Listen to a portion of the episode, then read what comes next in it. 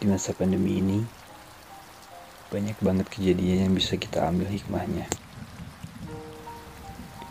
Kita umat manusia disadarkan bahwa tak ada satupun hal yang abadi di dunia. Kita mulai kehilangan banyak hal, dari mulai cinta, pekerjaan, teman, sampai keluarga.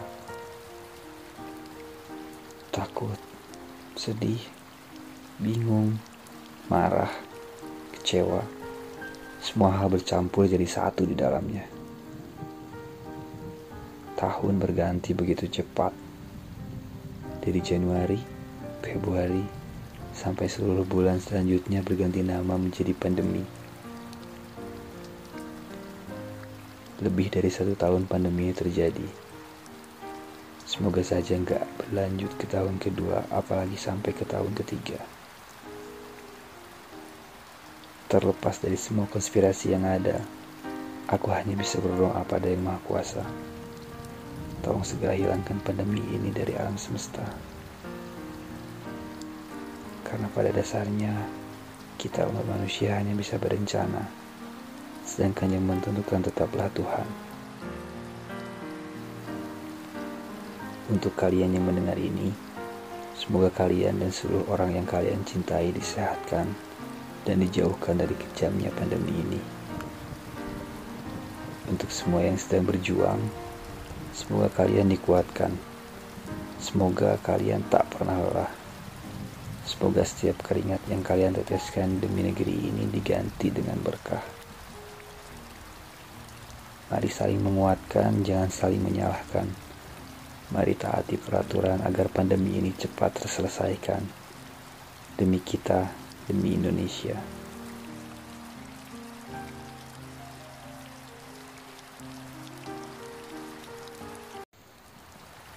Di masa pandemi ini, banyak banget kejadian yang bisa kita ambil hikmahnya. Kita umat manusia disadarkan bahwa tak ada satupun hal yang abadi di dunia. Kita mulai kehilangan banyak hal, dari mulai cinta, pekerjaan, teman, sampai keluarga. Takut, sedih, bingung, marah, kecewa, semua hal bercampur jadi satu di dalamnya. Tahun berganti begitu cepat. Dari Januari, Februari, sampai seluruh bulan selanjutnya berganti nama menjadi pandemi. Lebih dari satu tahun pandemi terjadi. Semoga saja nggak berlanjut ke tahun kedua, apalagi sampai ke tahun ketiga.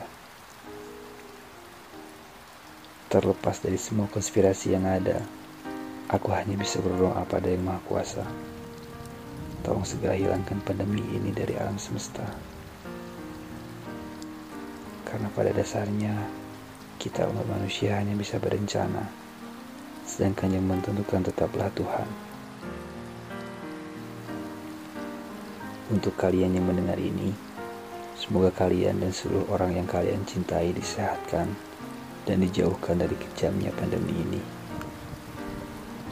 Untuk semua yang sedang berjuang, semoga kalian dikuatkan. Semoga kalian tak pernah lelah. Semoga setiap keringat yang kalian teteskan demi negeri ini diganti dengan berkah. Mari saling menguatkan, jangan saling menyalahkan. Mari taati peraturan agar pandemi ini cepat terselesaikan. Demi kita, demi Indonesia.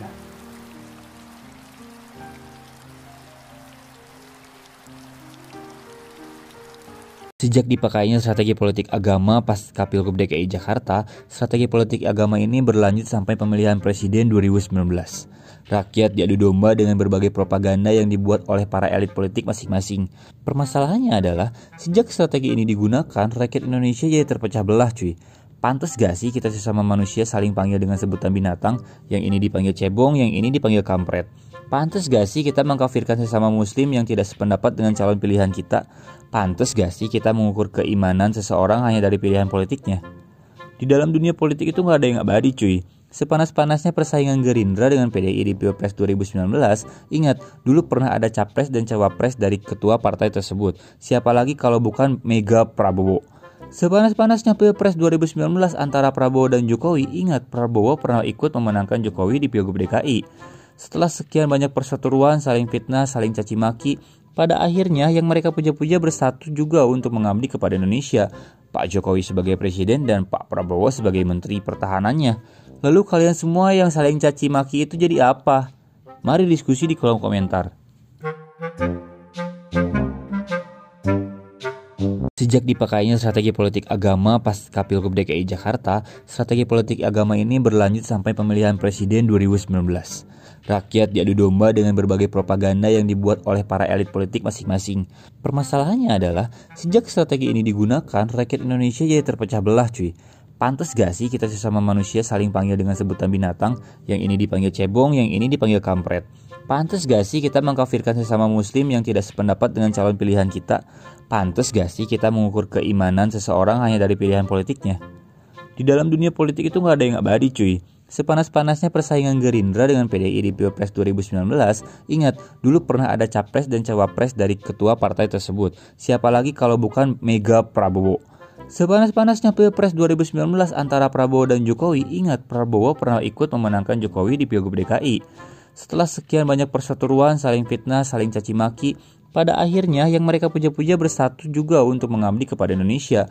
Pak Jokowi sebagai presiden dan Pak Prabowo sebagai menteri pertahanannya. Lalu kalian semua yang saling caci maki itu jadi apa? Mari diskusi di kolom komentar.